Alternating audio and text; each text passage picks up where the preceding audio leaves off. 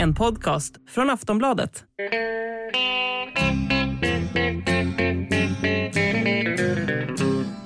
Hello out there, we're on the air. It's hockey night tonight. Tension grows, the whistle blows, and the puck goes down the ice. The goalie jumps and the players bump, and the fans all go insane. Someone roars, Bobby scores at the good old hockey game. Oh, the good old hockey game is the best game you can name. And the best game you can name is the Hallå, hallå, hallå, hallå! Hallå, hallå, hallå, hallå, hallå, hallå! Yes, hallå, hallå och välkomna till NHL-podcasten med Jonathan Bambi Ekeliv som vi hörde där, hemma i Örby utanför Stockholm. eh, Yes. Och mig, Per Bjurman, på Manhattan i New York City. Ja, precis. Och nu ska vi spela in vårt 389 podcastavsnitt. Eh, Och hur känns det, Jonathan? Ja, men det känns bra. Nu är man lite mer varm i kläderna. Det är ju tredje för säsongen och det är vårt tredje preview-avsnitt. Så vi har ju redan betat av hälften av ligan kan man säga. Så att, eh, jag känner mig mer varm i kläderna och det känns bra också. Trots att det var kul att du var i Traverse City förra veckan då. Eh, att, eh, att det känns som ett väldigt normalt avsnitt det här att ha tillbaks Ja. dig i Manhattan-lyan. Yes, ja precis. Och eh, ja, eh, det är ju bara, det är mindre än två veckor till opening night nu och försäsongen är ju verkligen i full sving. Det känns verkligen som att, eh, ja det här med varm i kläderna, att det, det är man överhuvudtaget. Det, det, är liksom, det är verkligen på gång nu. Exakt, det är ju till och med så att Per Bjurman har debuterat i Madison Square Garden för den här säsongen. Och det brukar vara liksom ett avstamp tycker jag. Att, Ja, precis. ja. Eh, I tisdags här så var det, eller i måndags var det eh, försäsongspremiär mellan Rangers och Islanders. Och, ja, det, vi vet ju sedan tidigare att försäsongshockey är inte så jättekul att titta på. Men det var ju stort att komma tillbaka dit efter 109 dagar. Eh, sitta Ja, på. Garden igen. Komma hem och, och, och inte nog med det. Jag fick säsongsackreditering för första gången sedan 2019. För sådana har de inte haft under pandemin. Och omklädningsrummet var öppet så att efteråt så för första gången sedan februari 2020 så var det, kunde man trampa ner och gå in i omklädningsrummet och prata med, ja i det här fallet då Gustav Rydahl pratade jag med. Just det, Och det, det har ni inte gjort förut. på Mika, nej. Och hälsade på Mika förstås som sa att det var kul att se oss här nere igen. Ja. Men då ropade Chris Kreider, no let's get back to Zoom. ja, just det. Han fick se på Bjurmans anlete och, och rygga tillbaks. Det var det värsta Ja. jag hört. Det är ju annars eh, oerhört eh, mäktigt att eh, det är tillbaks till normala på det viset att man kan, ja inte minst för bloggens skull och för oss läsares skull att liksom, Ja, du kan ja eh, snacka med spelarna på riktigt igen. Ja, det vart ju väldigt... eh, Det blir mer eh, avslappnat och mer informellt när man bara liksom står och pratar än om någon sitter vid ett podium. Nej, ja exakt och, och Zoom och liksom Ja, precis. Ja. Nu kan du ju prata personligt med spelarna istället för att 15 andra journalister ska lyssna samtidigt och vänta in sin tur. Liksom. Precis, ja. Ja, utmärkt. Har du, alltså, för övrigt så ska jag säga, man, man ska inte läsa in så mycket av resultaten och sånt i träningsmatcher, det betyder ju ingenting. Nej, Men, eh, och det är ju så olika eh, vad de styrkeförhållandena blir så konstiga eftersom så många lag testar, i, i synnerhet i de första matcherna, då testar de ju spelare som inte kommer att spela i NHL. nej, nej precis. Och det är alla möjliga målvakter i kassen. Liksom. Ja, men eh, jag måste säga att Rangers såg ruskigt starka ut i den här matchen. Framförallt eh, powerplay såg, ja det var brutalt bra.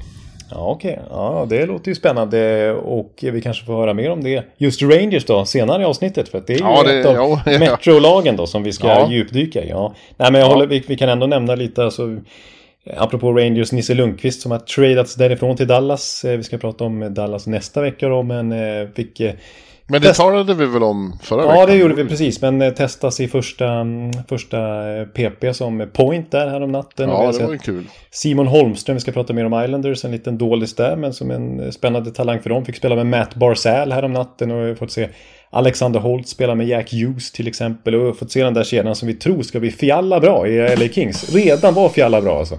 Med, med Kempe, Fialla och eh, Kopit då. Det var ett snyggt avgörande mot Vegas från Kempe på pass från Fialla. Ja, men fjälla bra. alltså. Så är det bara. Måste säga. Ja, vi kommer ju säga det så mycket. Så det, jag kan tänka mig att lyssnarna är jättetrötta på det, men det, vi... vi eh, det Vi går inte det. Nej, vi är inte Nej. det. Vi är inte det. Nej, och eh, Detroit såg ju fina ut igår. De som jag var och tittade på i Traverse City. Då. Just det, det var därför du var där. Ja, och Elmer Söderblom gjorde mål. Det var mycket surk om Söderblom eh, i Traverse City, i TC som de säger. Och eh, han svarade med ett mål igår mot Pittsburgh. Ja, över 20 mål i SHL förra säsongen och eh, ja, liksom en stor, lite så här Thomas Holmström-rumpa liksom och lite så här. Så det, han kan, kanske kan eh, skrälla lite redan den här säsongen. Ja. Ja, ja eh, och det... Eh, man får ändå hålla koll på vad som... Men det ska bli spännande att se vilka liksom...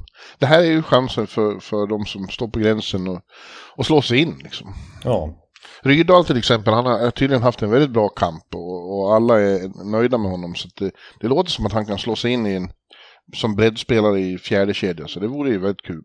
Ja, det känns som en, han är den spelartypen. Alltså i SHL, på SHL-nivå är han naturligtvis en producerande spelare och en bärande spelare. Men han skulle säkert i NHL kunna acklimatisera sig till en... Ja, men lite som... Han hade väl den rollen i OS till exempel för Tre Kronor. Alltså vara en eh, tung Ja, fjärde center eller fjärde ytterforward så att säga. Liksom, eh, det känns som inga som helst problem. Att det är lite därför de kanske har plockat över honom här som 28-åring till NHL. ja. Så kan vi konstatera att, eh, apropå veteraner, att eh, Anton Strålman kan kanske få eh, eh, fortsätta karriären i Boston. Han är där på provkontrakt och spelade igår mot, mot Rangers. Eh, Och det känns som en väldigt bra destination för honom. Med tanke på framförallt då att de, att de måste klara sig utan McEvoy och Och Rislick. Grizzlick ja, i, i början. Så borde han med sin rutin och, och, och, och sin erfarenhet passa bra in där. Ja, det tror jag också faktiskt. Han eh, gjorde det ju lite i skymundan rätt bra i Arizona förra säsongen. Framförallt så var, blev man ju väldigt hyllad som karaktär då i den omklädningen med många unga spelare liksom. Ja, Att man, liksom, han hade en aura kring sig som... eh, spelade över 21 minuter liksom i snitt. Ja. Eh, så att det, det är ju ingen, det är ingen chansning direkt att ta in Strolle. Nej, precis. Och som du säger, med lite skador så, här, så kan han vara en bra liksom, Ja, eh, att ha tills vidare. Och han själv uttalar jag läste intervjun du gjorde med honom, att det är lite kul ändå att liksom, han har vant sig att spela i topplag här, i Rangers i finaler och i, i Tampa långt i slutspel och i Florida som ändå har hållit till toppen också. Sen hamnar i liksom Arizona. Det var Ja. kanske inte så kul liksom. Nej. Men förutom att bo i Scottsdale och så vidare. Men eh, att komma till Boston, det är ju ändå ett hack upp i, i tabellen igen får man säga. ja, absolut. Ja, de har alltid krav på sig att de ska vinna. Ja, Ja, eh, för oss har också livet på slutet, eh, apropå NHL då, varit intensivt. Vi har nu lagt sista handen vid eh, vår kära NHL-bibel. Det blev mycket text som skulle produceras till den, men nu är den snart på väg till tryckeriet. Så att eh, om några dagar så är det bara att gå till tidningskiosken, hissa lädret och, och, och tjacka en NHL-bibel. Ja, det känns faktiskt ganska skönt att, att det är en... Det är roligt ju att sitta och producera. Det blir 132 sidor. Det är faktiskt den största bibel vi har eh, producerat. Ja. Eh, Men det är också ganska intensivt och inte minst sista veckan då. Så att eh, det känns rätt skönt att ha det där ur vägen nu så att säga. Och få kunna bläddra i den riktiga upplagan här om en stund. Jag tror att det är 8 oktober som den liksom finns i alla butiker runt om i Sverige. Ja, vad bra. För premiären är ju den 11, så då hinner ni köpa och läsa innan opening night. Ja, precis. Det får ni väldigt gärna. Mm. Nämna måste jag också göra att vi har haft draft i vår fantasy. Och där ställde eh, Jonathan Ekliv till det för mig. Ja, det här kan vi snabbt svepa förbi. Skojar. Ja, det var draft alltså, draftordning. Och, och eh, han, du drar mitt namn och så drar du, får jag nummer 11. Av Får jag 12? välja så? Ja, ja, ja, av 12 ja. Och jag, det, ni hade gjort en tv-sändning av det där. Du, du gjorde det så dåligt liksom. Du drog ju bara den lappen som låg närmare. Du skulle rufsa om bland lapparna där. Det, det där var ju riggat. Ja, ja det, det har varit mycket anklagelser och jag har känt mig som Gary Bettman här sista dagarna. Alltså en usel ligakommissionär. ja, Eh, eh, utbuad liksom på redaktionen och inte minst från New York-hållet. Nej, Men, eh, riktigt skandal, skandalöst. Varför, varför kunde du inte liksom tagit lapparna med lite mer feeling? ja, jag, jag har ingen rutin på det vet du. Jag, Bara tog den som låg närmast hela tiden. ja. Det, det indikerar ju för oss som hamnar långt bak att, att, Att jag hade lagt dem det i en ordning då. Liksom. Ja, exakt. Och så Ja. plockar du bara. Ja. Och det sjuka är att jag, jag sa att jag hade gärna ville ha nummer sju. Och så drog Ja. jag nummer sju till mig själv. Så att eh, jag förstår misstankarna. Men jag kan säga att det, det, det, det, det fanns inget sånt. Jag lovar. Jag lovar. Jag är... Kallas för ondskan ibland. Men jag lovar att jag är mm, hederlig man. Mm. Ja, jag, ska, jag kommer hem och buar jag med. Ja, det var det värsta. Ja, det får jag väl ta då. Ja, ja. ja. Ja, men hör du, eh, vi får väl försöka vara sams just nu åtminstone då. Eh, Ja, vi får försöka. Då har vi eh, alltså Metropol, vi har betat av Atlantic och Pacific och nu tar vi då Metropolitan Division i vår utdragna preview här. Och Ja. eh, går som vanligt i bokstavsordning. Och det betyder att vi inleder med, ett, med en, eh, ja det är väl ingen hemlighet att de är en contender. Eh, det tror jag de flesta är överens om. Alltså Carolina Hurricanes. Ja, precis. Det här är ju ett otroligt bra lag som två år i rad faktiskt, om vi bara kollar på grundserien, har vunnit den här divisionen. Slutat trea totalt sett om man kollar till record i hela NHL då. Men också då i slutspelet. Åkt ut i andra rundan två år i rad. Ja.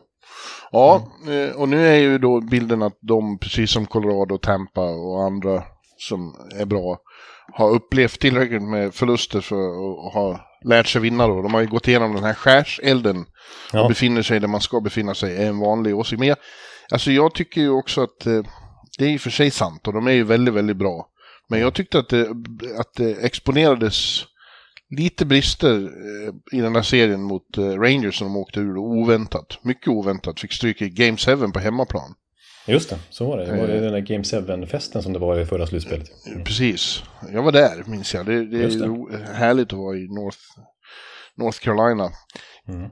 Ja, det, det, framförallt det som har saknats då. Som, det, hur bra de nu än så har det varit för lite killers eh, offensivt. Alltså eh, målskyttar och sådana som är liksom mördande. Mördande! Ja, jag, jag håller med dig. I håller the finish. Eh, de har fin, finish har de i och för sig. Ja, eh, finish eh, har de verkligen. Väldigt bra finish eh, liksom, eh, spelare. Så det. Mm. Ja, ja men du, du förstår vad jag säger. Och, så, och, och, och det har man ju då försökt eh, korrigera genom att trada till sig Max Pacioretty från Vegas för ingenting. Det var ju en lysande trade. Eh, men eh, han, är ju, han har ju rykte om sig att vara skadebenägen och han han ju inte ens påbörja försäsongs eller barmarksträningen förrän han slet av en hälsena och är borta i sex månader. Ja, precis. Ja, det var ju oerhört olyckligt för dem. Men eh, alltså, sett till pappret då när de gjorde respektive värvning här som de har gjort inför kommande säsong. Så de har inte gett upp mycket för att få in mycket kvalitet. Nej. Liksom fast Pacioretty är ju gratis. Alltså vi, vi- Brent Burns kan vi nämna redan nu som de inte... Jag menar, det var ju lite lönedump från San Jose sida. Och, och Paul Stastny har de fått till exempel. Men det är ju åldermän dessa. Det är ju 35-36. I Burns fall, han fyller väl 38 kommande säsong. Ja. Jo, men nej, de har inte gett upp så mycket för dem där, men, men de har ändå fått lov att, att skiljas från en väldigt viktig spelare tror jag i, i, i Vincent Trocek. Då. Han var ju andra center. Ja. Och eh, nu är det lite tunt down the middle också. De har Aho i första kedjan, han är en av ligans bästa. Mm. Men sen nu är det då upp till antingen Jesperi Kotkaniemi eller Paul Stastny och, och, och ta den där viktiga rollen som andra center. Det, Ja, det känns inte, inte, lika... Jag känner inte jätteövertygande. Nej, då hade jag hellre haft Vincent Trocek. Så är det ju. Ja. Och Nino Niederreiter är borta också som ändå varit bra för dem i ett antal säsonger. Och jag, det där med att de saknar killers liksom. Det håller jag lite med om. Alltså spelarmaterialmässigt. Även om vi kan hitta spets här också. Onekligen är en sån finish guy som Sebastian Aho. Och Teuvo Teravainen och så vidare. Men kollar man lite på poängligan förra säsongen och liksom hur mönstret har sett ut de senaste åren. Så bara senaste året. Aho slutar på 30 plats i poängligan. och Det är ju bra. Men det är ju inte liksom hela vägen upp i eliten. Vi har liksom tre Tampa-spelare som har bättre poängsnitt. Tre Toronto-spelare som har bättre poängsnitt. Ja. Det är liksom... Florida hade tre spelare med bättre poängsnitt. Vi hade Boston med två spelare bättre poängsnitt. Pittsburgh två spelare bättre poängsnitt. Rangers och Washington, alla andra slutspelslag hade åtminstone en spelare före Aho i poängligan. Eh, av östlagen då. Och det... Ja. Det säger ändå Ja, li- säger en lite grann liksom go-to-guy-känslan här i, i liksom någon som verkligen kan kliva fram och göra avgörande slutspelsmål i en Game 7. Liksom. Eh, har, och, och liksom när jag kollar på mina underliggande siffror, liksom, då, där är det ju ett otroligt kollektivt system han har satt som gör Carolina som, som till sån otrolig grundseriemaskin åtminstone, Rod Brindamore. Eh, liksom efter Florida var de det lag som hade högst förväntat målsnitt av alla lag. Men om man jämför med just Florida så de gjorde flest mål och de förväntades göra flest mål. Carolina förväntades göra näst flest mål, men, men de gjorde nionde flest mål. Så det, Ja. liksom, effektiviteten fattas. Ja, eh, precis så känns det. Eh, och, men alltså, när Pacioretty kommer tillbaka så är ju han en, en tillgång på den fronten. Det är ingen snack om Det det. är ju en renodlad sniper. Ja, så skulle han vara liksom hitta, bli, bli hel och hitta sin normala form. Mm. Då är det är ingen snack om att de kommer att vara ett farligt lag. Jag tror att de, de har ju, precis som du säger, kommer de förmodligen att dominera grundserien och kan mycket väl vinna divisionen igen. Nej, Eh, nej. det, det tror man ju. De är fruktansvärt eh, bra liksom bredd och, och, och djup i truppen och, och otroligt bra backar har de, de, de tre ledande där med eh, Jacob Slavin och, och nu då Brent Burns också och Brett Pesky. Ja, ja, precis. Och Burns tror jag kommer passa bra in i liksom Brindamores spelsystem. För de vill gärna ha skott, mycket skott från backar också, och trafik på mål. Lite sådana Han är ju också, om, om han är, liksom är sig själv så är ju han en offensiv tillgång också. Exakt, precis. Det skulle, han skulle kunna vakna till liv igen. En Norris Trophy-vinnare så sent som, var det, 2000? Ja, det har väl gått ut, är det 2017 nu tror jag. Det var ett tag. Men han är fortfarande bra. Kanske kan få en nytändning så här, sluttampen av karriären. Säkert. Eh, och som jag nämnde i, tror jag, i något avsnitt tidigare när de hade plockat in honom att alltså, under sin NHL-karriär så har han skjutit 700 fler skott än någon annan back. Och, och med tanke på liksom att eh, Brindamore uppmuntrar sina backar att skjuta mycket så kommer ju den trenden förmodligen fortsätta här med Burns i Carolina. Det kommer kanske, kanske passa honom ännu bättre än spelsystemet i San Jose. Ja. Eh, Så det blir, det blir spännande. Och sen vill jag också nämna liksom, det är fortfarande ett relativt ungt lag det här. Jag menar, Aho kan fortfarande utvecklas. Men framförallt kanske Svechnikov. Jag menar, han är ju född på 00-talet. Han är ju Ja. han, är- han är ju 22 år bara. Jag menar, det här, han har ju potential känns det som att när han pikar i, i karriären kunna vara en 100-poängsspelare. Och då är det ju ytterligare en dimension för Carolina om han kan växla upp dit. Eh, liksom. Och, och Mar- de kan förvänta sig mer av Martin Necas, de kan förvänta sig mer kanske av Seth Jarvis som slog igenom lite förra året. Så det, det finns ju en organisk utveckling här på spelarna Ja. som, som har varit där ett tag eh, som vi kan förvänta oss fortsätta här kommande säsong. Han är lite underskattad tycker jag, deras GM, Don Waddell. Han har gjort Ja. ett riktigt bra jobb här. Otroligt Med bra jobb. Trots att han har en snår ägare ovanför sig. Liksom. Eh, Ja. Så har han fått ihop ett riktigt, riktigt bra lag. Jag, jag vill också nämna dansken i målet där. Fredrik Andersen är ju... Eh, eh, om in, han är kanske... Om jag skulle ranka målvakterna i NHL så kommer han någonstans kring femte, sjätte plats nu. Alltså, det gör han. Och det är ju väldigt bra det. Det är väldigt bra det. Han slutade ju fyra i eh, general managernas Vesina-omröstning här förra säsongen. Så extremt nära att bli nominerad. Eh, Ja, nej, och det var ju, det ska man ju till Carolinas försvar säga att han var ju skadad i slutspelet. Precis. Och då var Antiranta bra i ett par matcher, men sen så var han ju inte det. Det är ju backup-syndromet. Liksom. De kan ju en, eh, enskilda matcher, de är helt briljanta, men eh, anledningen till att de är backups är att de aldrig klarar av att hålla den där standarden kontinuerligt. Nej, det är precis så. Precis så. Men det, det man känner överlag här med Carolina nu, det är ju som sagt att de kommer säkert eh, inte lekande lätt, men lite åt det hållet ta sig till slutspel igen. De är min favorit att vinna divisionen igen. Eh, men det är lite så här Stanley Cup or bust-läge faktiskt på det här laget Ja. nu. De, de måste ta sig långt i slutspelet. De måste visa att, att de klarar av det. För det och nu har den här kärnan hållit ihop så pass länge så att, och de är liksom, går verkligen in i sin prime. Så nu är det dags. Exakt så. Exakt så, Jonathan. Ja, sen har vi då Columbus Blue Jackets, sommarens tivolilag höll jag på att säga.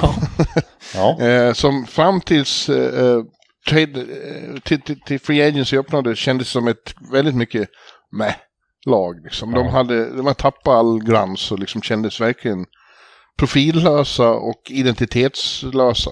Ja, och jag, Men- skulle, och jag skulle vilja säga också att bara liksom det är någonting med logotypen och namnet och, och Columbus som stad som är lite menlöst. Känner. Ja, Som gör ja. att man aldrig riktigt går igång på dem. Men eh, för en gångs skull. Men då där i juli så ringde det plötsligt på Jarmo Kekkeläinens telefon. Mm. Han svarade och det var representanter för Johnny Gaudreau som sa att du, om du fixar utrymme under lönetaket så vill Johnny väldigt gärna komma till Ohio. Och Ja, eh, till skillnad från eh, sin kollega i Philadelphia då, så tvekade ju inte Jarmo det minsta utan han såg till att eh, eh, rumstera om lite och så plötsligt var Johnny Gaudreau Blue Jackets-spelare. Det var ju sommarens stora skräll. Man var ju helt stand när det hände. ja det, hela hockeyvärlden häpnar ju. Stod Ja. ju med, liksom, med käkarna nere i backen. Det, det, var, Ja. det var otroligt oväntat. För det har aldrig hänt att en liksom, stjärna, en, en profilerad spelare överhuvudtaget har självmant velat gå till Columbus. Liksom. Det har Nej. varit precis tvärtom. Ja, det har det.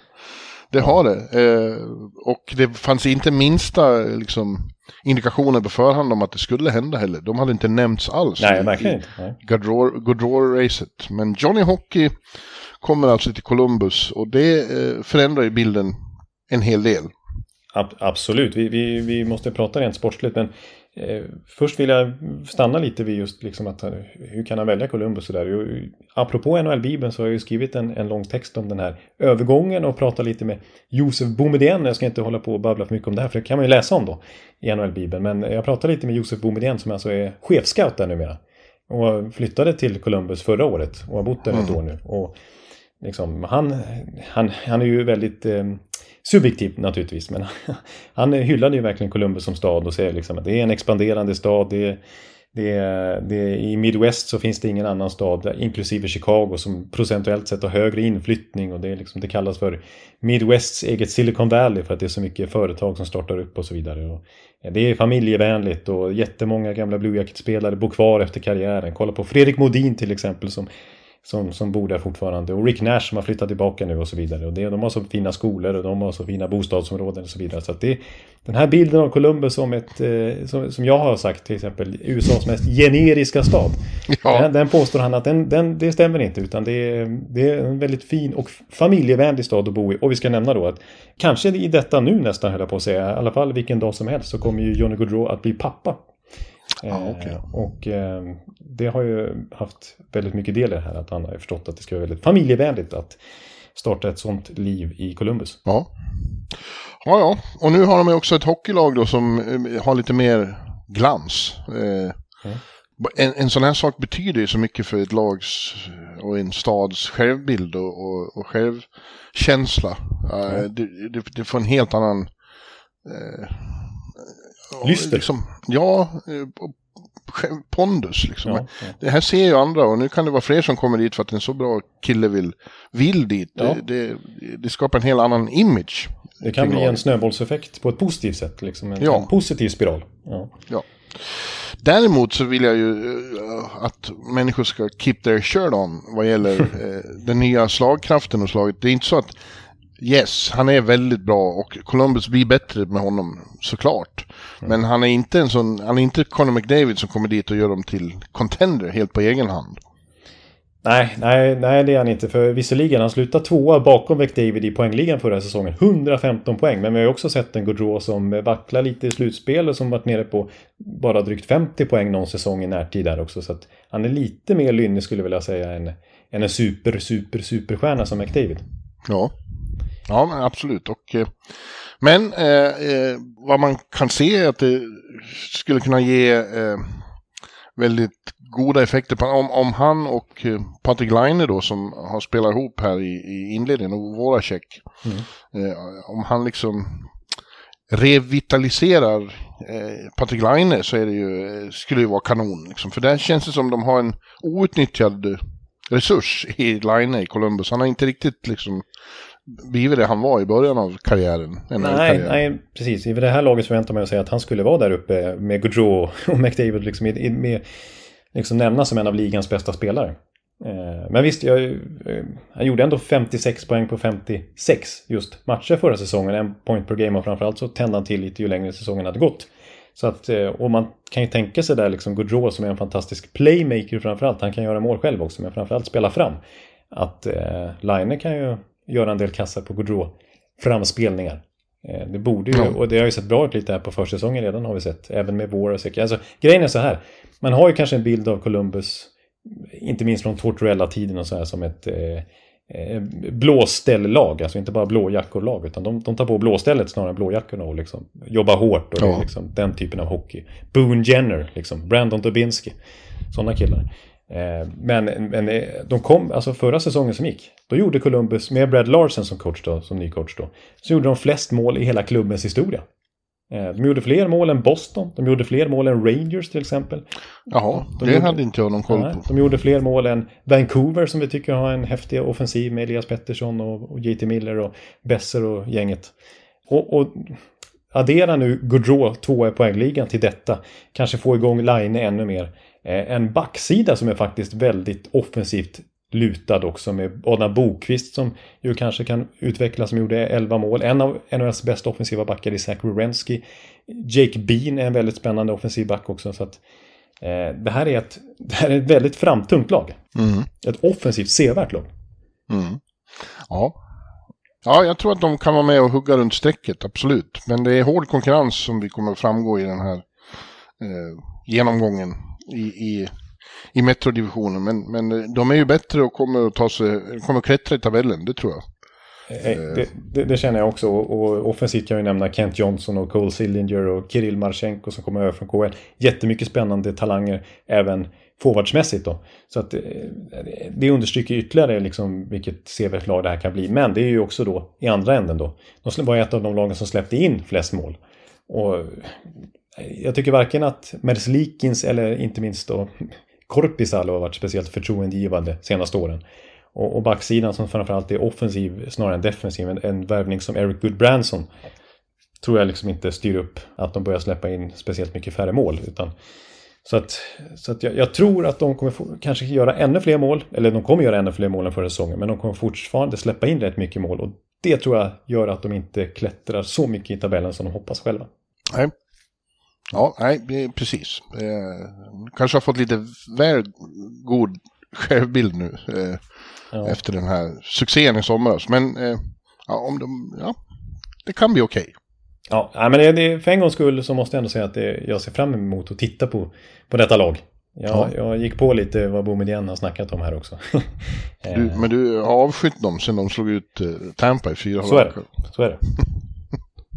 Ja. Den, där, den, där, kanonen när vi var på plats. Den, ja, är, ju, den, är, ju, är ju, den är ju traumatisk. Den kommer att ljuda för Johnny Gaudreau. Ja. Det kan vi slå fast. Det kan vi definitivt göra. Han har själv sagt att han är rädd för den. Att han, liksom, han, han vill sitt, sätta sig i arenan alldeles själv och be liksom vaktmästaren dra den tio gånger i rad så att han liksom ska vänja sig vid.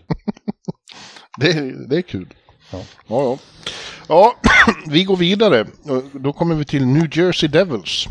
Mm. Eh, som också känns, det känns positiva vibbar kring New Jersey. Jag har varit och träffat Jesper Bratt för NHL-bibeln.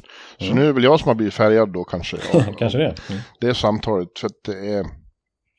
Det har ju dock i flera år har vi haft liksom en känsla av att nu kanske det händer. Men det har varit många false starts, starts som det heter där. Att de, eh, man har trott att nu, eh, nu har de gjort så fina förvärv och nu har de så bra lag. Och, och, och så startar de säsongen hyggligt och nu tror man nu är New Jersey tillbaks. Men så har de haft väldiga problem att upprätthålla tillbörlig klass, eh, framförallt under andra halvan av serien. Och ja. sjunker ner i, i bottenträsket. Men nu är känslan återigen, de har, gjort, eh, de har haft en fin sommar, framförallt fått in Ondrej Palat, det vet ju du vad han går för. Alltså jag skulle kunna prata resten av podden bara om honom, det är ju min absoluta favorit. Men eh, jag är också, det är också väldigt jobbigt för mig att han inte spelar i blått längre. Ja, men det är andra, andra året i rad de får in en riktig sån splash-förvärv. För i fjol var det ju Doggy Hamilton.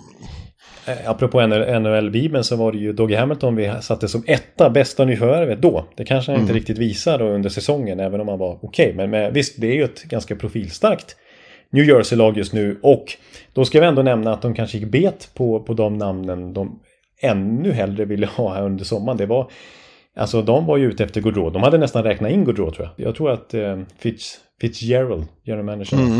eh, tänkte att vi skulle sitta och prata om att Gaudreau hade valt Devils nu. Ja. Med det här laget. Eh, men eh, det blev inget med, det, med honom. Eh, Fialla var de ju på också, men det visade sig att Fialla inte ville skriva långtidskontrakt där. Kutchak, Matthew Kutchak var de väldigt intresserade av också. Han ville inte heller eh, skriva på ett långtidskontrakt med New Jersey, så de var inte med i den trade-bilden så att säga. Så att de fick nöja sig inom citationstecken med André Palat. Men det är, det är ett bra tröstpris. Verkligen. När jag träffade Jesper då hade de precis, då hade inte campen startat än men de hade liksom, spelarna tränade ihop ändå i träningshallen utan coacher. Ja. Eh, och då hade han, eh, Palat hade hunnit vara där mycket, alltså han var helt frälst i både personen och spelaren Palat. Ja, det är, jag kan bara, fantastiskt. Vilken, ja. vilken kille. Och eh, ja, det, det ser helt okej ut. Eller? De har också fått... Eh, det var ju enorma målvaktsproblem, för jag vet inte hur många målvakter de... Sju luft, olika målvakter. Ja. ja. Eh, nu är Mackenzie Blackwood är tillbaks skadefri och så har de fått in Vitek Vanecek från Washington. Det är ett okej par om, om, om Blackwood kommer tillbaks Ja, jag är ändå lite osäker här, speciellt i konkurrensen liksom, om, om det målvaktsparet håller. Det kan vara så att någon av dem överraskar och liksom tar nästa steg, vilket de har potential till. Jag menar, Mackenzie Blackwood är ju en, en stor talang. En av, jag menar, han var väl med i bruttotruppen för Kanadas OS-lag här om det hade blivit NHL-spelare eh, här tidigare i år. Mm. Eh, sen hade han en liksom, strulig säsong i fjol, men det är ju, han skulle ju kunna liksom växla ut till en riktig klassmålvakt den här säsongen. Och, och Vanesek eh, är väl lite också sådär backup-syndromet då att han hittills i karriären varit ganska ojämn men har en hög högsta nivå i alla fall. Eh, så att det, det, jag tror inte de behöver använda sju målvakter den här säsongen. Eller? Nej. Nej, förhoppningsvis inte. Men vad tror du om, om laget som helhet då? Nu, nu ser det okej ut. Ja, ja precis. Och, och, nej, men off, är lite liknande som Columbus här. Att det offensivt sett ser väldigt spännande ut. För att jag menar, Jack Hughes tyckte jag var otroligt bra förra säsongen. Då såg han verkligen ut som den här draft-ettan han var. Ja. Och är. Och liksom eh, borde visa på isen också. Det, det gjorde han då. Men, men sen eh, blev det inte så mycket mer snack om honom för att han skadade sig relativt tidigt och var borta resten av säsongen. Men när han väl spelade så gjorde han långt över en poäng per match. Mm. Och nu ser det, nu när han är hel och frisk igen och en hel camp och så vidare och liksom nya positiva vindar blåser där i New Jersey så tror jag att vi kan få se. Alltså, Hughes, han kanske blandar sig i poängligatoppen till och med den här säsongen. Ja, han kan åtminstone komma upp i hundra. Ja, eh, ja. Förra året var det faktiskt just Jesper Bratt som vann interna poängligan med 73 poäng. Han fick sitt stora, stora genombrott, Jesper. Och han, så ambitiös som han är med sin eh, träning och sin eh, vilja att ta nya steg hela tiden så, så Jesper kommer att vara väldigt bra igen. Mm. du har Palat då, men sen har du ju längre ner några som eh, man såg lite av en sån som eh, Dawson Mercer såg ju väldigt bra ut i början av förra säsongen. Och sen ja. har nu en säsong under, under bältet. Och vad gäller backarna då, det var ju väldigt eh, skakigt defensivt då, men John Marine John Marino och Brendan Smith kommer ju in och det är, liksom, känns som de kan hjälpa till att sätta en annan stabilitet defensivt. Ja, nej, men jag tycker backsidan ser ganska bra ut. Siverson är kvar. Eh, ja, men Sigenthaler tycker jag har utvecklats rätt bra också. Hamilton eh, kanske har en bättre andra säsong åtminstone. Och även där på sikt. Jag menar forwardsidan är ju väldigt spännande på sikt. Med alla möjliga spelare där. Eh, mm. Men även backsidan, alltså Luke Hughes Eh, som inte kommer att spela den här säsongen visserligen, men det ser ut att vara ytterligare en Hughes brorsa som är något alldeles extra. Dominant på college-nivå och bestämt sig för att spela ett år till där. Men skulle platsa i NHL tror jag om han hade velat hoppa av college och kliva in i Devils nu. Och kommer bli en storback för dem framöver. Och likaså då han som gick tvåa i hela draften i somras. Det var ju två slovaker som gick etta tvåa. Slavkovski till Montreal och så då eh, Simon Nemec till eh, till New Jersey och här på campen har man ju förstått att liksom folk konstaterar att det är också en spelare. Liksom. Han, eh, det kommer bli en, en väldigt fin, inte minst offensiv back för New Jersey på sikt. Så att, eh, ja, eh, jag, jag, tror New Jersey får vänta ytterligare något år innan de blir riktigt competitive. Men då, eh, alltså då, potentialen är ju jättestor i alla tre lagdelar om vi räknar in Mackenzie Blackwood i kassen. De här fina backtalangerna plus Hamilton och Marino och gänget. Eh, på backsidan. Och så då Hughes, Hischer, Bratt. Jag menar Bratt är bara 24 år fortfarande. Ja. Mercer som du nämnde, Sharangovic. Det är ju väldigt många unga spelare där. Och löneutrymme att förstärka ytterligare faktiskt om de skulle liksom närma sig slutspelsstrecket. Eh. Ja, det, är lite, det har varit en jävla omsättning på personal där ute. Alltså, som du nämner, Jesper är bara 24 år, men är ändå är han en av fyra bara som är kvar sedan han debuterade. Det är ju helt otroligt. Det är Miles Wood, eh, Severson, Hischier och han. De enda som är kvar från den säsongen. Eh, det, han är veteran. Ja. Så, så var det inte på old school Lou Lamoriellos tid heller. Nej, då nej var de, verkligen inte. då, då var det spelare som tillhörde Devils forever. Ja, ja precis. Nej, men och, när vi har nämnt och namedroppat massa unga spelare så har vi ju fortfarande inte sagt Alexander Holt som är en liten ja, åker den här säsongen också. Deras första val 2020 som ju gjorde det väldigt bra sitt första år i AHL i alla fall. Han gjorde ju han gjorde 26 mål på 50-talet matcher eh, nere mm. i AHL och, och eh, alltså fått spela med Hughes och Palat här på försäsongen. I natt, eh, natten som var här så gjorde han en väldigt fin assist till Hughes faktiskt. Eh så att eh, Holtz blir väldigt eh, spännande att se om han kan slå igenom redan i år också. Då. Och det är Ja. ytterligare en resurs för dem. Så att, verkligen framtiden för sig i New Jersey. Alltså om, när vi sitter och gör preview-poddar om tre fyra år. Då tror jag att vi nämner New Jersey som ett riktigt topplag, som en contender. Men Ja. i det här läget tror jag att de får väl, vara väldigt nöjda om de överhuvudtaget är med i slutspelsracet i mars-april. Ja, men jag tror att om, om saker och ting stämmer så, så eh, kan de vara det. Ja, men så pass. Precis som Columbus, det är lite samma känsla där. Ja, det vill till att något av de här lagen ovanför dem eh, vacklar lite. Och när vi ska gå igenom eh, resten här så tycker jag att det inte är något lag som så uppenbart gör det. Men vi får se. Det, det, det, det ger ju alltid överraskningar varje år. Ja. En negativ överraskning i fjol var ju vår, vår Stanley Cup-vinnare. vår tänkta Ja. Stanley Cup-vinnare som vi båda två tippade i Bibeln vill jag minnas. Eh, Ja. Skulle ta hem Stanley Cup. Inte bra, ens- reklam för, inte bra reklam för Bibeln och, och sen gick de inte ens till slutspel. Och det är ju då New York Islanders, Lula Mariellos nuvarande lag. Just det. Som nu, eh, ja, till, till vårt försvar ska ju sägas att det, det sprack ju på att de in, fick inleda med 13 bortamatcher orkade inte eh, med det schemat och sen kom covid och slog sönder allt. Ja, det kanske vi skulle räkna ut visserligen. Men sen kom ju som du säger det här covid-kaoset Ja. för dem också. För det var ju liksom, det var ju Ja. droppen. Mm. Ja. Men eh, Lula Mariellos reaktion på det här blev ju väldigt underlig enligt mig då. För det slutade med att han eh, sparkar Barry Trotz. Eh, ligans bästa coach. Mm. Eh, enligt eh, gängse uppfattning. Eh, vilket jag har jämfört, jag håller ju fortfarande på med mitt stora tips i bloggen. Just det, det är enorma 70 000 utläggningar. tecken nu. Ja. Ja. Riktigt nördigt. Eh, Och det är jäm- jämför jag med att liksom byta bort en Maserati bara för att det har varit dåligt väglag. Liksom. Eh, Så Ja. byter man inte till en Toyota bara för att eh, man är missnöjd. Nej, det, det, där köper jag. Lite så känns det faktiskt. Mm. Men det har han ju gjort då genom att ta in istället, eh, ge jobbet till Lane Lambert. Eh, Alltså, trots högra hand i, i, på Long Island. Eh, Washington försökte sig på samma knep efter 2018. Då fick eh, Todd, Todd Reardon, som då var Barrys högra hand, eh, fick ta hand om eh, vad heter det? Han, fick- han ställde sig på, på kaptens ah, bryggan, vad fan. Eh, och eh, det gick ju inte alls. Och jag tror inte det kommer gå här heller eh, faktiskt.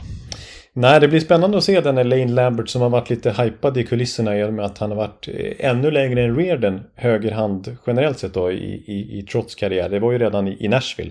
Och så han var ju med i Washington också, Lane Lambert, och så nu under alla år i Islanders och dessutom befordrad till associate coach där i Islanders. Inte bara vanlig assistent så att säga, utan en riktig rejäl högernäve liksom för, eh, för Trotts där. Eh, Men så, och samtidigt då liksom då är, då är inte precis en ny röst som tar över utan han har ju varit med under alla dessa år också. Lane Lambert i omklädningsrummet. Eh, sen har ju Lamoriello sagt att han vill få ut lite mer offensiv då. Att han tycker att det blev lite för defensivt och, och, och att de blev för hämmade offensivt och, och nu vill han ha kvar eh, liksom den defensiva strukturen men samtidigt producera lite mer mål och poäng framåt. Eh, och, och Lane Lambert från sin spelarkarriär var ju han liksom en producerande forward medan Trots då var ju liksom en defensiv stay at home-back. Eh, så jag vet inte om det gör någonting i deras mindset från grunden men de har ju väldigt lika hockeysyn. Eh, alltså, en, alltså Ja, hur, fastnar du nu? Ja, nu fastnar jag. I, i, i, eh, totalt sett med tanke på att eh, de har hängt med varandra så otroligt länge och kommit så bra överens uppenbarligen. Ja, Så att, eh, ja. men, det, men jag tror att Barrys betydelse för det här laget har varit enorm. Eh, många är ju kvar sedan han kom och innan han kom så var de liksom ett mitt i klungan-lag utan mycket till, som talar för dem. Och sen kom han och gjorde liksom en, en contender av dem. Två raka konferensfinaler. Ja, och sen kom fjolårets eh, magplask då. Men, eh, och jag tror att utan honom så tror jag att de kommer att vara mer som de såg ut innan han dök upp. De har ju liksom fastnat lite grann, precis som du gjorde där när du skulle... Ja. Mitt i formuleringen så har de liksom...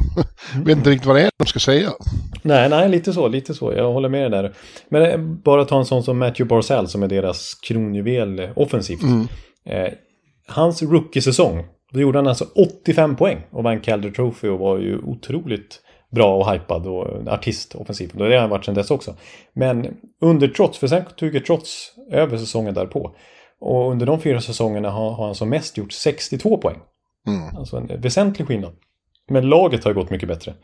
Så att eh, jag, jag, undrar hur den där, liksom den där filten över Islanders-kroppen höll jag på att säga. Liksom, om, det, om, det blir liksom, om de ska börja släppa det här defensiva systemet för att vara lite mer offensiva. Om liksom det, det blir kallt om fötterna då. Eller om de har en tillräckligt stor filt, det där spelarmaterialet. Som, de får symbolisera det för att, för att kunna vara bra i båda ändar av isen. Och kunna tumma lite på, på defensiven.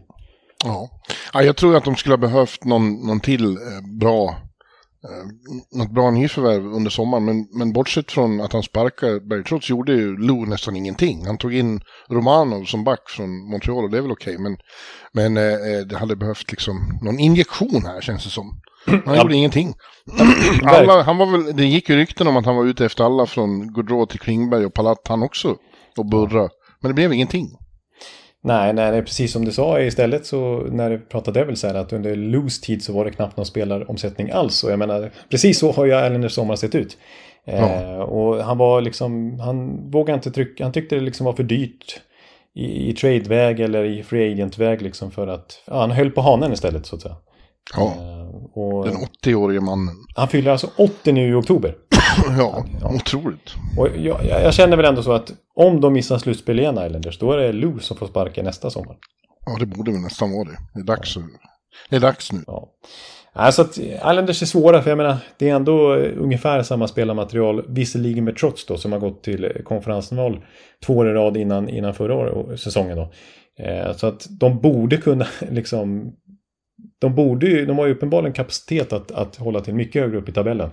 Men eh, i den här konkurrensen när det liksom eh, jagas på underifrån och det kanske inte har tappat så mycket över dem så ja, det vill till att de skärper till sig rejält och är med från start den här gången. För att eh, det ska bli slutspel igen på Long Island. Och i nya arenan då. Precis. Mm. Ja. ja, jag tror att det kan bli svårt. I Bibeln som precis har tryckt så ska jag säga att jag har satt Islanders på slutspel men nu tvekar jag redan nu alltså. Det är ja. nästan så att jag vill peta ner dem utanför. Ja. Kring deras granne då, inne här på Manhattan, New York Rangers, är det desto mer hype. Det är, det är nästan överdrivet som det så gärna blir i New York. Eh, för de eh, hade ju stor överraskande framgång genom att gå hela vägen till konferensfinal i fjol. Mm. Och då är eh, Rangers-fansens bild att då måste det bli final nu då.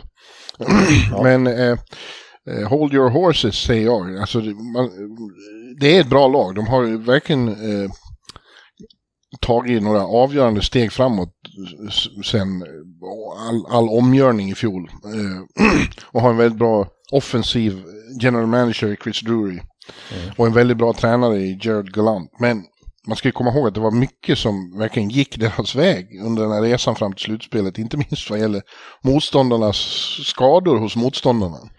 Ja. Eh, Crosby försvann eh, ur serien, den inledande serien och hade han varit kvar så tror jag att eh, Pittsburgh nog hade kunnat vinna det där. Då hade det nog blivit 4-1 i matcher till och med. Eh, för ja. Det såg verkligen ut att gå mot det när Cross, länge Crosby var hel. Och då hade nog eh, det hänt en hel del här i sommar med Rangers, Rangers-bygget, det tror jag. Ja, de hade också, de hade inga, båda målvakterna var skadade och lika var det hos Carolina som fick, som, som vi sa, Antiranta fick stå den serien. Mm. Eh, och eh, ja, eh, man, man, ska inte, vara, inte ta från dem för mycket, men det, det, det hjälpte ju såklart. Mm. Eh, då, de fick också in, och de har inte kunnat behålla någon av dem, de tre fina, fina nyförvärv, eller trader han gjorde där i, i mars, när han fick in Andrew Kopp och eh, Frank Vetrano och Tyler Mott Mm. De, de gav laget nya dimensioner och de har inte kunnat behålla någon av dem. Det var som en helt ny kedja ju, även om de spelade ja. olika kedjor. Men det, det, var ju tre nya spelare liksom. Ja. Så att, eh, men kvar finns ju ändå, eh, det finns ju väldigt mycket positivt. De har ligans bästa målvakt fortfarande, Shistorkin, och han stod ju eh, för, för, första halvan av matchen här mot Islanders och, och han var ju grym. Ja. han höll nollan, det gick inte i mål på honom. Nej, jag tror nej. Kommer, han kommer inte släppa in en puck i år. nej, nej, nej, nej, precis. De kommer, de kommer att nolla alla matcher han står. Och, och liksom jag som är så extremt tampa eh, subjektiv. Till och med jag gick med på i våran eh, bibel här kan jag säga. Att ranka Sjestjorkin som världens bästa målvakt före Vasilevski.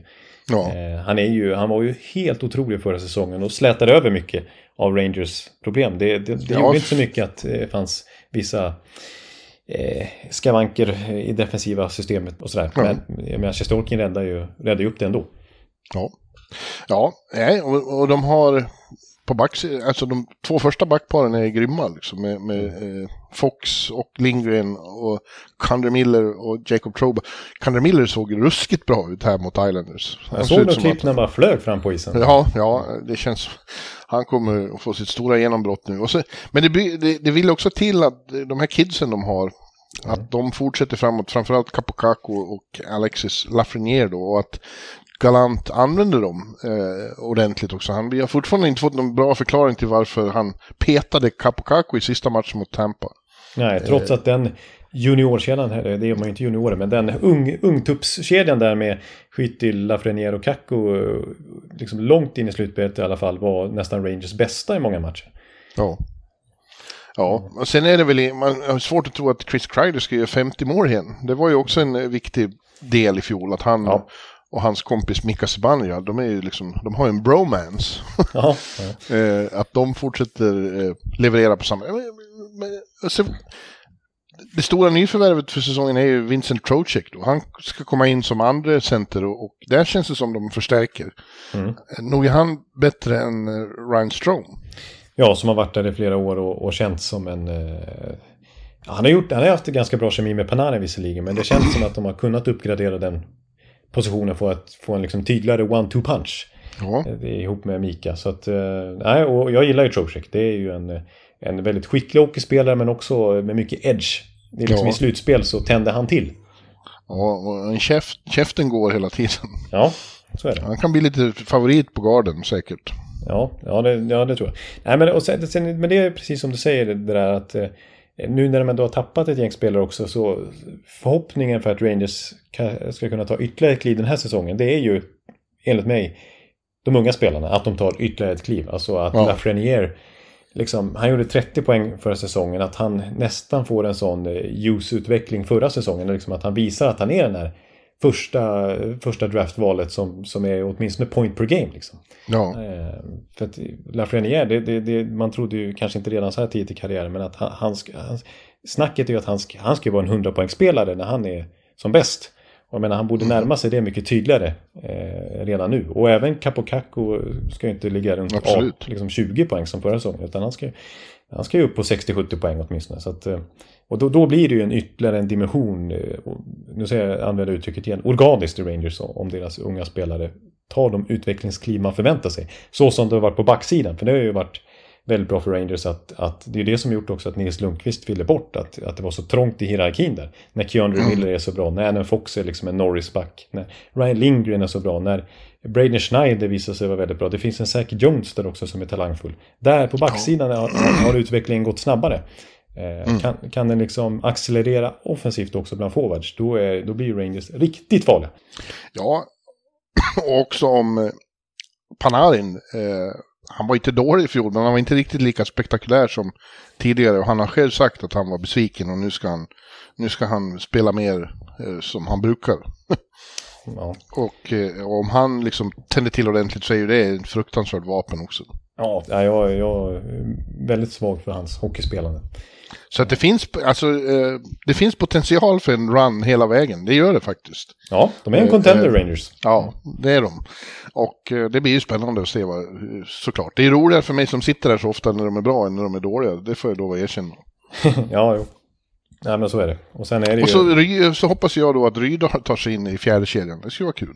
Ja, ja. Nej, det, det känns ju inte omöjligt. Om inte från start så i alla fall senare under säsongen kommer han kunna bevisa att han är, han är värd den platsen. Ja, Eh, och sen är det ju, man liksom börjar där och slutar där. Andrei, eh, Andrei Vasilevski. Igor Sjestjorkin i kassen. Det är ju liksom, har man den världens bästa målvakt som vi ändå kallar honom. ja. Då, då, är, då har man ju verkligen bra chanser. ja de vinner. De vinner! Ja, nej, det har jag inte tippat kan jag avslöja. Nej, inte jag heller. Inte jag heller. Jag tycker det var svårt att hitta, vaska fram en finalist i öst. Eh, för att eh, eh, jag tycker det finns flera som eh, kan ta sig dit, men det är ingen given. Liksom. Nej. Men vet du vad jag ser nu? Nu ser jag i vad jag har tippat i NHL-bibeln, jag har redan glömt bort det. New York Rangers i final. Jaha, De Mot- torskar finalen mot eh, ett lag vi kommer in på nästa vecka. Men, eh, Colorado. Ja. Där har vi Ja. tråkiga finaltipset eh, på, på den sidan då. Men jag slår ändå till med Rangers i final faktiskt. Och det baserar jag nog mest på Sjestjorki faktiskt. Ja. Ja, jag har ju då slagit till med Edmonton som jag nämnde redan förra veckan. De slår Tampa i finalen. Tampa åker på en andra raka finalförlust. Ja, och jag svarade direkt det när jag skickade smset att, att det är mer synd om Corey Perry än vad det är synd om mig faktiskt. Ja. Ja. Ja, ja, du, vi går vidare till ett lag som ingen tror kommer att ta sig till någon final. Det Nej. kan, jag, det kan jag försäkra. Den som tippar Philadelphia Flyers i final har inte riktigt tänkt med vad, som- vad som Nej. händer. Nej, så är det. Eh, det är lite kaos och katastrofläge i Flyers. Eh, de kunde ju ha liksom... Chuck Fletcher som är GM hade kunnat eh, starta en helt ny era om han hade gjort vad han skulle och, och, och berett plats för Johnny Gaudreau. Men han ansåg att han inte kunde det. Nej. Som Jarmo Kekkeläinen sen kunde då. Och istället, ja, han står kvar med ett, ett mycket, mycket eh, färglöst lag. Eh, Ja. Utan Giroud nu också liksom. Ja. Det är ju, och Voracek inte. Det är ett helt annat Flyers liksom. Mot för något, Ja. något år sedan bara. Mm. sen har de ju otur då också med skador. Eh, eh, ett av få en av få ljusglimtar var ju eh, liksom insikten att Sean Couturier skulle komma tillbaks. Mm. Cool. Eh, som är första center där. Han missar stora delar av förra säsongen. Men han har återigen på försäsongen skadat en ryggkota och kan bli borta länge. Liksom. Ja, ja. Och Ryan Ellis som de tradade till sig förra året från Nashville. Han är inte heller redo för spel och det börjar se ut som att han kanske aldrig kommer att vara det. Nej, som jag har förstått det så är hans säsong eh, borträknad redan nu. Han kommer inte spela något den här säsongen heller. Det blev alltså fyra matcher förra året innan han var borta. Och, och, och nu är han borta hela den här säsongen och mycket talar för att karriären är nog över där för Ryan Ellis för den prestigevärvningen. Det blev inte mycket där. Nej, det, det är otur det. Men eh, det är också dåligt gjort av Chuck Fletcher. att- Så försöka liksom säga på eh, fansen att Nick, vad heter hur Nick det? Delorier ja. Mm. Delorier är en unik spelare. Eh, Ja. och, och så tar han in Tony D'Angelo, mycket kontroversiellt. Eh, Ja. och ja, jag vet inte. Och så är det, den, X-faktorn här är ju John Tortorella. då. Han är och för sig väldigt bra på att skapa sån här eh, vi mot världen-känsla och få, få lag att prestera på ett annat, det, där eh, helheten är större än summan av delarna. Precis. Jag, jag känner ändå att han kommer in i helt rätt läge för att det ska vara John Torell- Tortorella. För att ett lag, ett omklädningsrum ska vara mottagligt för hans regim skulle man kunna kalla det nästan. Ja. Eh, för att eh, jag menar, när han varit lyckosam då har det ju varit sådana lägen, liksom näst, nästan utskrattade lag. Mitt Tampa var ju det i början av 2000-talet när, när, när Tortorella tog över. Då sa ju Fredrik Modin var ju berättat att att liksom, det var ganska oseriöst liksom, i den organisationen. Medan Tortorella klev in och liksom redde upp allting. Alltså, både utanför hockeyn och, och på isen så att säga. Och några år senare vann de Stanley Cup. Och jag menar Columbus var det lite liknande läge. Eh, det blev ju ett respekterat lag som gick till flera slutspel och så vidare. Eh, men när han varit i lag som liksom redan har en kultur och, och där det bara behövs små justeringar för att ta nästa steg. Där har det blivit dunderfiasko. I alla fall i Vancouver är väl det tydligaste exemplet. De, de var ju inte mottagliga för eh, kulturen. Liksom. Nej. Eh, men nu kommer Ja. in ett, ett flyer som liksom desperat skriker efter hjälp. Ja, ja, det gör de. Men å andra sidan, eh, den andra sidan av myntet är ju att han lätt hamnar i konflikt med en viss sorts karaktärer. Och, och, och det känns ju som att ha honom och Tony D'Angelo i samma organisation känns lite som att hålla en tändsticka ovanför en, eh, en bensindunk. Liksom. Ja, jo, jo, det håller jag verkligen med om. Det är liksom det är mycket lynniga karaktärer tycker jag i det här flyers Alltså sådana som inte känns eh, Tortorella-kompatibla. Alltså, eh, D'Angelo är det tydligaste exemplet som man alltså plockar in till den här säsongen. När man vet Ja. att man ska ha Tortorella som coach. Eh, och, och liksom Connectney och Kevin Hayes. Kevin Hayes, har haft ja. förut. ja, eh, James Van Riemsdyk och så här. Det känns inte som de går igång jättemycket på Tortorella. Att ha honom i, i öronen så att säga. Nej. Nej, ja. Ja, vi, vi får... Eh, jag tror ju att de kommer sist i den här divisionen, så är det bara. Ja, det, De andra- det, det, det slår jag fast också redan nu. Eller, så här, det, vi, vi- visst, Tortorella som sagt har fått fart på, på andra lag tidigare, men eh, nej, det känns knepigt där. Vi kan bara redan, nämna också att det förväntar man sig naturligtvis. att Tortorella har ju varit Tortorella direkt här nu på campen. Ja. Det är liksom, de börjar ju med en sån här, i princip en bagskate kan man säga. Så första träningen, det var, inga, det var ingen puck på isen då inte. Utan det skulle drillas något så stenhårt med dem. Det var nästan tortyrliknande. Liksom hur de drevs runt på isen där. Och, fick kämpa tills de knappt kunde gå längre. Och, och alla spelare har fått ett handskrivet brev, skriv, har, har Cam Atkinson berättat, som ju har haft Tortuella i många år tidigare i Columbus. Alla spelare har fått ett liksom personligt handskrivet brev från Tortuella där han sagt vad han förväntar sig av dig som spelare, vad han förväntar sig av laget den här kommande säsongen och vad ni kan förvänta sig av, av min camp här nu. Det ja. kommer inte bli kul. Så att, eh, och han har också redan varit ute och svingat mot eh, the room, liksom, mot kulturen i, i laget. Så att det, det, det, det, är splittrat och liksom, man kommer aldrig kunna, jag kommer inte kunna åstadkomma någonting som coach om vi inte är enade i rummet. Nu måste vi först och främst sätta en kultur. Det måste vara vi mot världen, det måste vara liksom enat här inne där, bara, liksom, där vi sitter. Liksom. Nu, nu, ja, det ska vara mer accountability pratar han om. Ja, precis. Eh, ja, det, det, kommer, alltså det blir en helt annan, det blir något helt annat för, för Reamstike och, och gänget eh, i omklädningsrummet den här säsongen jämfört med förra. Mm, men sist kommer de. Ja, det tror jag faktiskt också, trots allt. För konkurrensen är hård och ett av lagen som ser till att det blir hård konkurrens är Pittsburgh Penguins. Ärkerivalen. Ja. Mm. Där var det på väg att bli konvulsioner i somras när eh, det ett tag inte... Ja, det ett tag verkar som både Chris Letang och Evgeni Malkin skulle försvinna. Mm. Men eh, till slut fick eh, Hextall in båda två under lönetaket och eh, det, kärnan består helt enkelt, det som har varit kärna ända sedan 2005 mm. eh, består. Och eh, ja, jag, jag, får en känsla av att det där kanske var bra. Det kanske underströk för alla inblandade att eh, det är eh, det här fönstret kommer inte vara öppet för evigt. den här den här eran är inte oändlig. Nej. Utan, och jag tror att en sån som Malkin till exempel eh, har liksom det har skärpt in hos honom att det är all in nu. Nu, är det, nu, nu ska vi vinna igen medan, medan vi kan, medan chansen finns. Ja, och jag, tyck, jag tycker att eh, det här slutspelsframträdandet av de som blev kort då, i och med att de åkte ut mot Rangers redan i första kedjan ändå underströk att det är ett väldigt bra lag fortfarande när de är skadefria åtminstone. Ja, För, eh, ja. Crosby har vi redan nämnt, han såg ut som han var tio år yngre då. Liksom. Det, var, det var 2012 Sydney som var där. Eh, mm. och, eh, och, och, nu har de, de har även gjort liksom bra, eh, eh, riktigt starkt lag på pappret. Och de får in en sån som Rakell också från början. Liksom. Och det pratas om att han ska spela med Crosby och Gensel, att den kedjan har fungerat väldigt bra. Ja, precis. Alltså kollar man bara till den korta tiden de fick på sig i grundserien förra säsongen innan slutspelet där. Så de spelade 100 minuter ihop den kedjan. Var inne på 11 mål framåt, ett bakåt. Ja. Så det funkar ju uppenbarligen väldigt bra. Och Malkin och Rust har en väldigt bra kemi sen tidigare. Så deras topp 6 där blir ju mördande. Skulle man ja. kunna säga. Ja, men även eh, på, på backsidan säger de rapporterna från västra Pennsylvania om att Jeff Petrie och Marcus Pettersson har varit ett klippblock av Guds nåde defensivt. Ja, ja du ser. Och, och Petri, det här är spännande för jag, jag tyckte det, det, på ett sätt känns det som lite så här förändringar för förändringarnas skull. Att liksom växla ut Matheson och, och Marino mot en rätt gammal nu Petri och Jan Rutta då, från Tampa. Eh, och Ty Smith har kommit också. Alltså det, det, det kändes nödvändigtvis inte som att de, de, har blivit bättre. Men av alla de spelarna så är väl Petri den som har högst högsta nivå. Och han var ju väldigt bra så sent som förra i förra slutspelet när Montreal gick till final. Då. Mm. Eh, sen var ju hela Montreal usla förra säsongen. Men eh, kan de väcka nytt liv i Petri så är det en väldigt, väldigt bra back. Eh, så att det kanske var en bra förstärkning trots allt.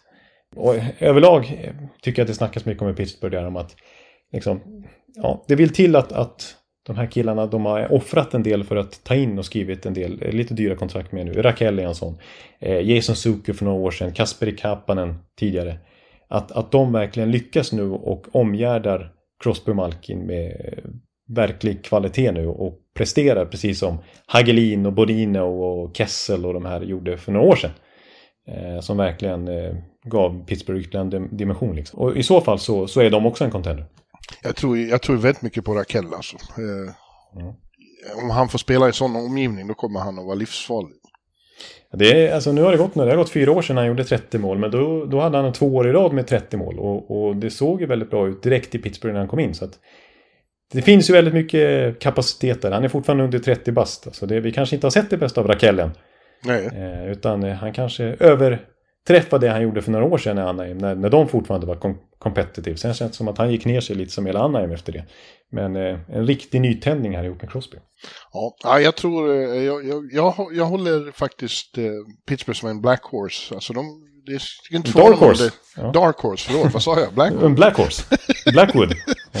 Ja, nej, Dark horse, absolut. Och att eh, det kan vara de som går upp mot Edmonton. Ja. Förra mot våren, sommaren.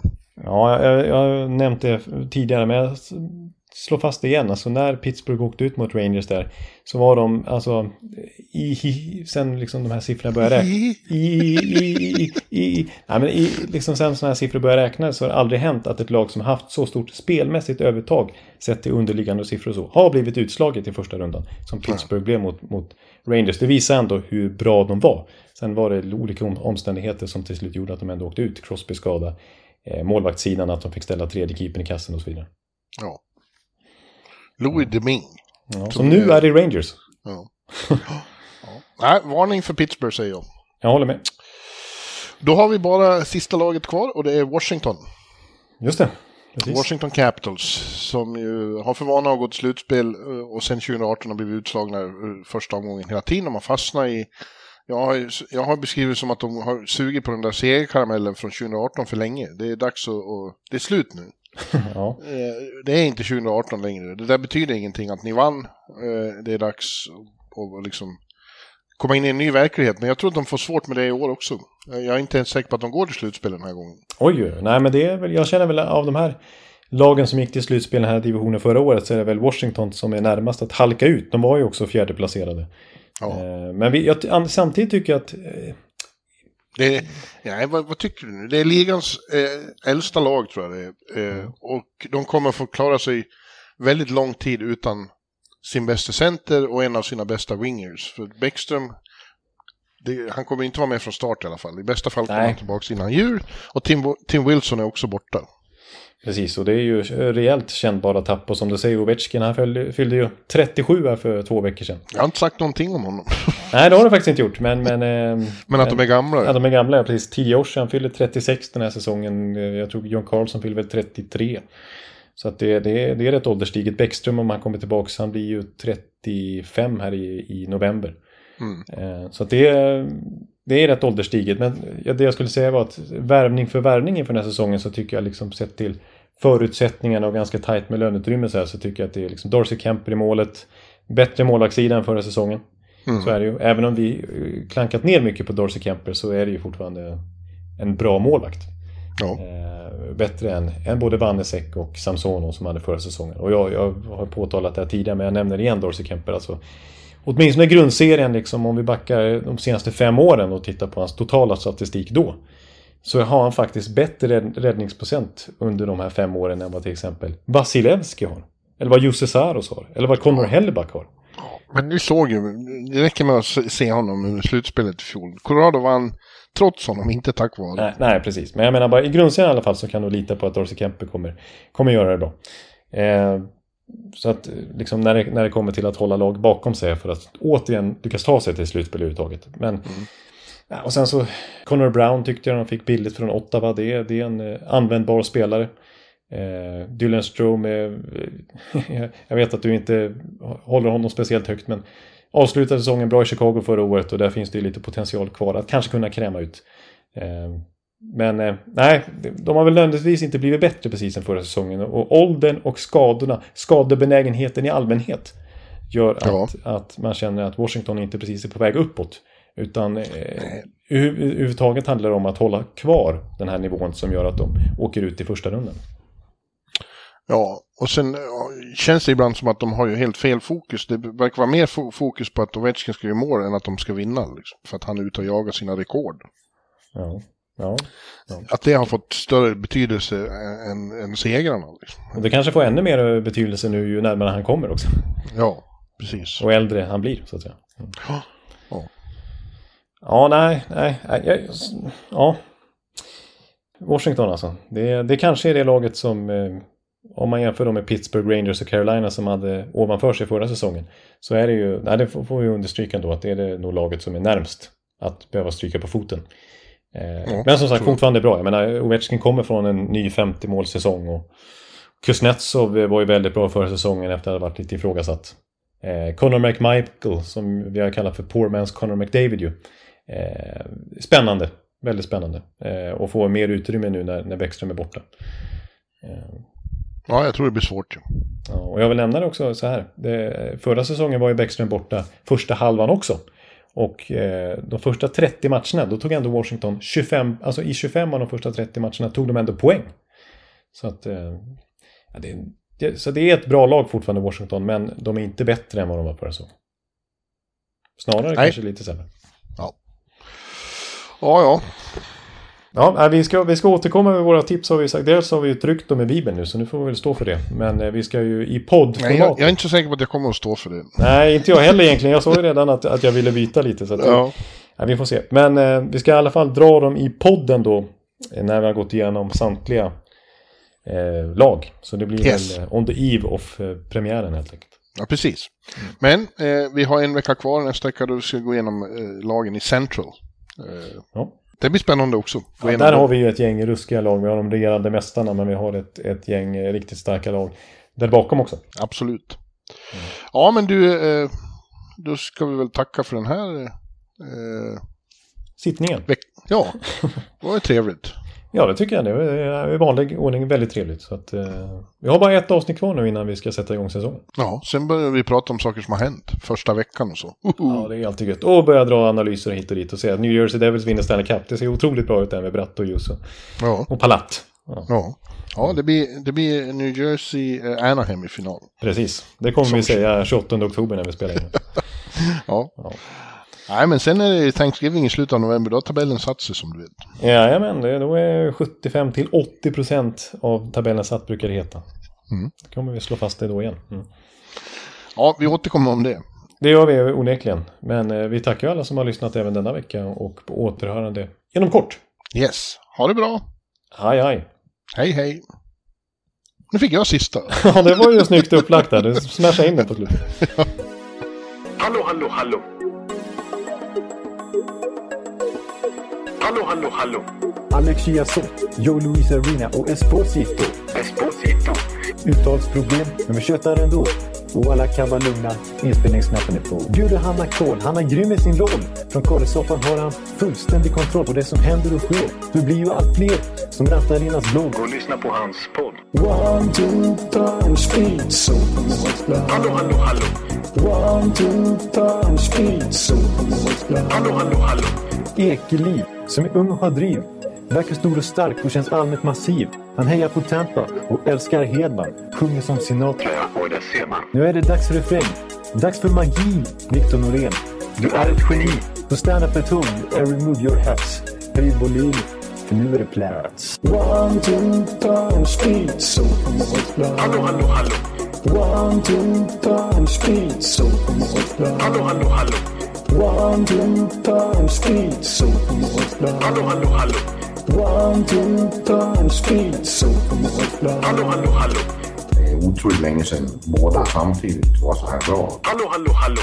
Det er utroligt længe siden mor, der samtidig trods har råd.